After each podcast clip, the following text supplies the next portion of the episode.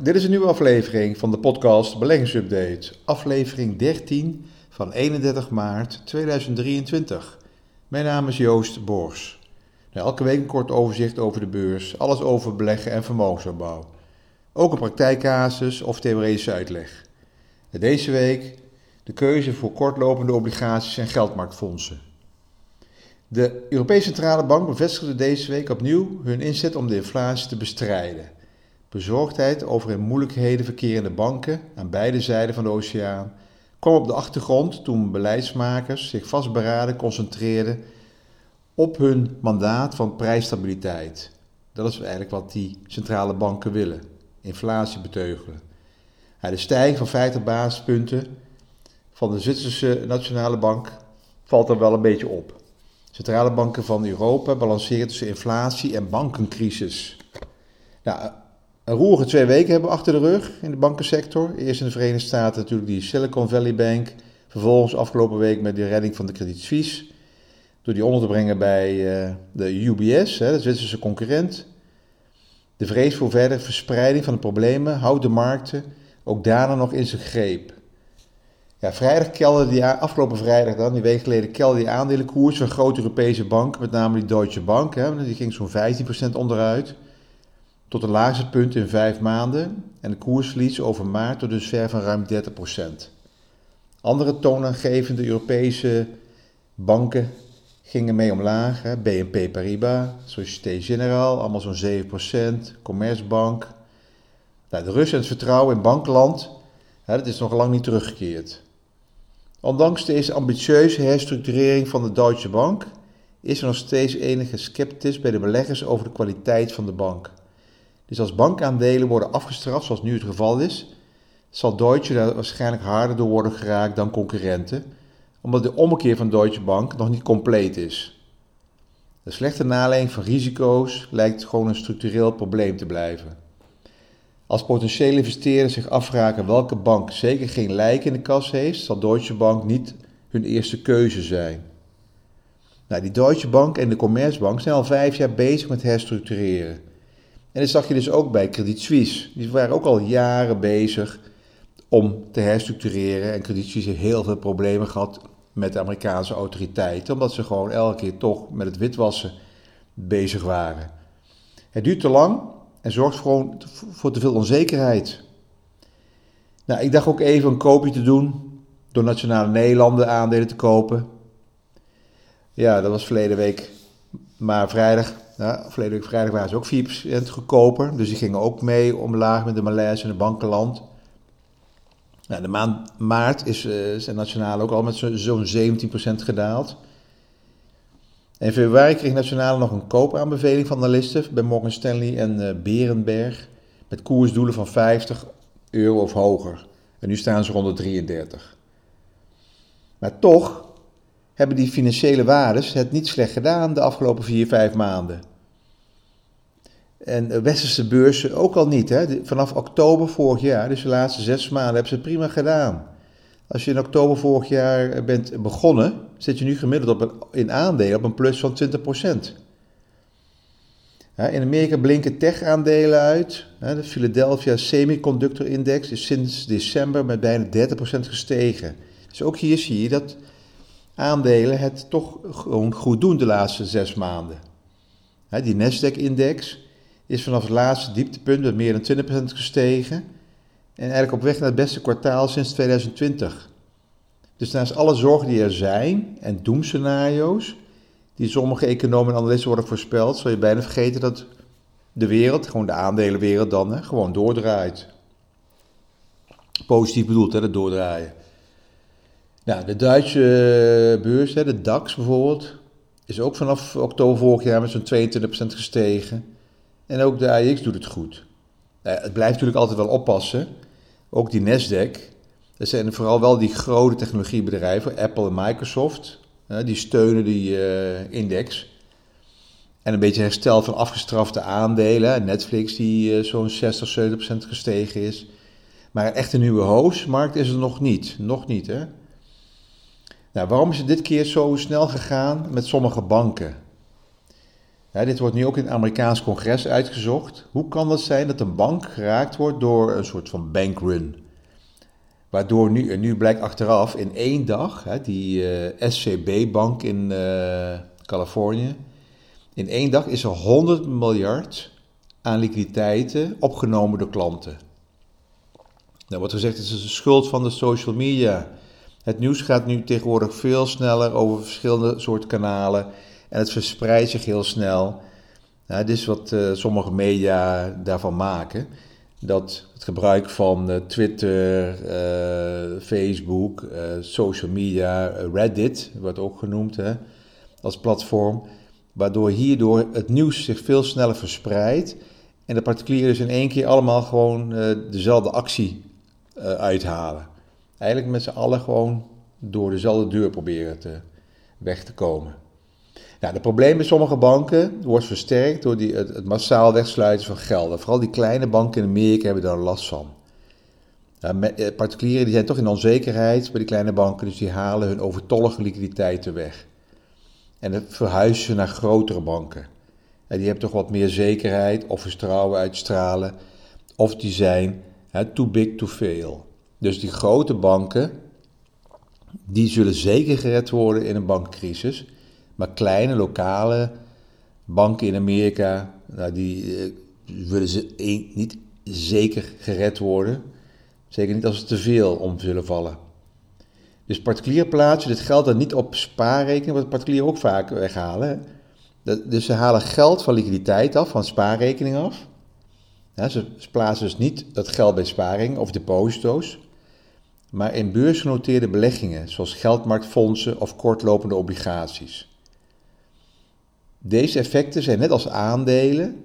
Die vallen, aandelen, obligaties, beursgenoteerde effecten vallen eh, niet onder de balans van een bank of financiële instelling. Dus bij faillissement vallen ze dus daarbuiten. Ze staan in een aparte entiteit, een stichting of een bewaarbedrijf. Dus die zitten niet, het hoort niet tot het kapitaal van de bank. Geld wel. Geld op besparing, liquiditeiten, deposito's en cashgeld of spaargelden vallen wel in de balans van de bank. Maar beleggingen, aandelen, obligaties, beleggingsfondsen vallen dus niet onder een balans van een bank. Apart, aparte entiteit, aparte stichting. Ja, dus uh, spaargelden vallen dus uh, wel onder een garantiestelsel, maar deze zijn tot een maximumbedrag gegarandeerd. Ook in Amerika, maar ook hier. Particulieren in Amerika met vermogens groter dan het maximale garantiebedrag halen gelden weg en storten dit bij een andere partij of in eerder genoemde geldmarktfondsen. Er gebeuren dan twee dingen. De bank ziet liquide middelen vertrekken. Deze middelen, een kern hiervan hebben ze waarschijnlijk op langere termijn geïnvesteerd of belegd. banken denken nou, we hebben zoveel particuliere klanten met uh, spaargelden en deposito's daar zal zeker zo'n 20, 30 procent als een vaste kern altijd in spaarrekeningen blijven. Misschien wel meer. Dat is gewoon statistisch wat ze historisch dachten. Dus als al het geld, als meer dan uh, dat wat weggehaald, ja, dan hebben ze wel een probleem. Want vaak hebben ze dat, de vaste kern belegd of verstrekt in langlopende kredieten. Of ze hebben daar langlopende obligaties voor gekocht, waardoor ze een hoger rendement kunnen maken met het geld van anderen. Nou, dus om, om dit geld weer vrij te maken, dienen ze beleggingen, veelal lange staatsleningen, te verkopen. Op dit moment, vanwege de gestegen rente, zit hier dan koersverlies op. Het eigen vermogen van de betreffende bank daalt en de winstgevendheid neemt ook nog eens af, want er zijn minder spaargelden aanwezig. Ze kunnen minder kredieten verstrekken. Er is nu met de huidige rendementen op langlopende Amerikaanse obligaties van rond de 3,5 tot 4 procent er voor Amerikanen zeker interessant om obligaties te kopen in plaats van het risico op aandelen. Zeker als je geïnteresseerd bent in kaststroom door de couponuitkeringen. Waarom de keuze voor kortlopende obligaties of geldmarktfondsen de laatste weken in plaats van spaargelden komt? Omdat kortlopend papier minder volatiel is dan langlopend. Ik zal het heel even kort uitleggen.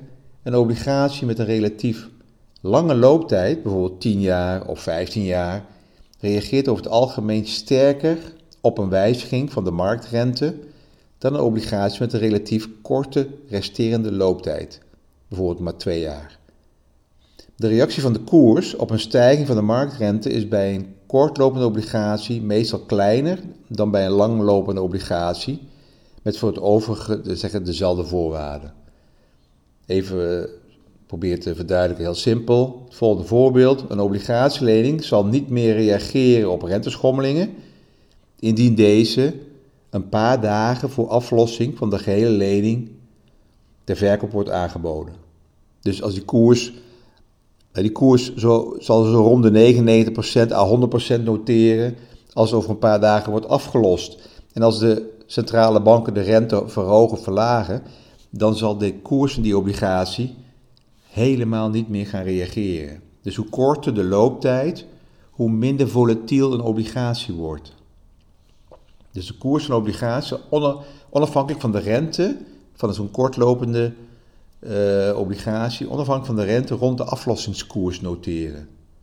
Dus naarmate die resterende looptijd korter wordt, zal de obligatie de neiging hebben om terug te keren naar die koers van 100 ofwel 100% de nominale waarde. Indien de aflossing van de obligatie plaats zal vinden tegen die nominale waarde. Nou, een ander gevolg van de snelle rentestijging is dat kleine beursgenoteerde bedrijven in opstartfase zijnde zeggen technologiebedrijf of uh, biotechnologiebedrijven. Dus nog niet zelfstandig cashflow genereren, het moeilijk hebben om nieuwe financiering aan te trekken. Financiering is nu vele malen duurder geworden door de rentestijgingen. Private equity gelden stagneren ook nog eens. Hè. Private equity uh, partijen die uh, in kleine start-ups investeren, die zijn ook even terughoudend. Nieuwe aandelenemissies zijn lastig te plaatsen in dit beursklimaat en banken zijn teruggehouden met kredietverstrekking. Dus vooral op de Nasdaq staan relatief kleine en middelgrote bedrijven genoteerd die afhankelijk zijn van goedkope financiering.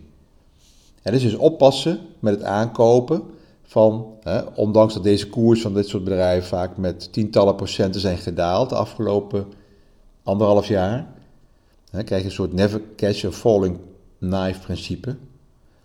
Ik heb bijvoorbeeld wel aandelen Teladoc en Fuel Cell Energy afgelopen maand gekocht. Maar dat was nog iets te vroeg. Deze blijven ook afbrokkelen. Die hebben ook moeite om straks financiering, nieuwe financiering te vinden.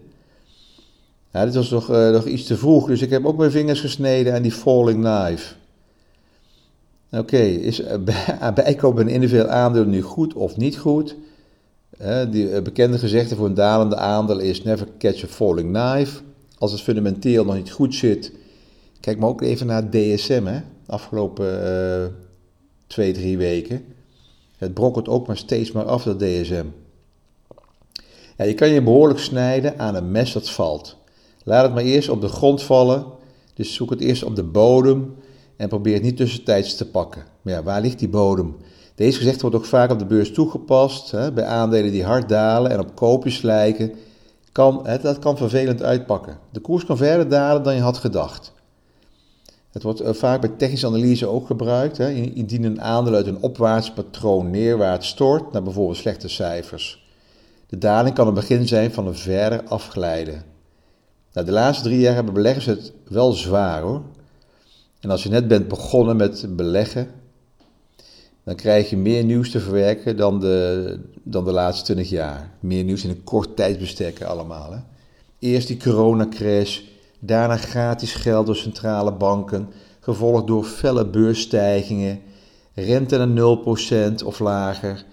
Daarna kregen we weer inflatie, oorlog met dreiging van kernwapens, afbouw van eh, geldhoeveelheid van centrale banken omdat ze die inflatie willen beteugelen de snelste rentestijging van de 40 jaar, obligatiekoersen die eh, instorten, afbrokkelende beurzen, energiecrisis en nu ook nog een bankencrisis. Met de faillissement van ongeveer drie middelgrote banken. Nou, dan heb je echt een hoop nieuws achter elkaar gehad in de 2,5 jaar tijd. Nou, dat heb je Vroeger kreeg je dat misschien in de vijf of tien jaar, maar dit is echt heel veel uh, verschillende dingen waar je Dus aandelen, obligaties, ze zijn bewegelijk, ze blijven nog even bewegelijk. Nou, houd stand en, uh, en blijf, uh, ja, blijf rustig. Succes in ieder geval. Dank voor het luisteren. Alles op persoonlijke titel. Geen direct beleggingsadvies en op basis van openbare informatie. Tot de volgende week.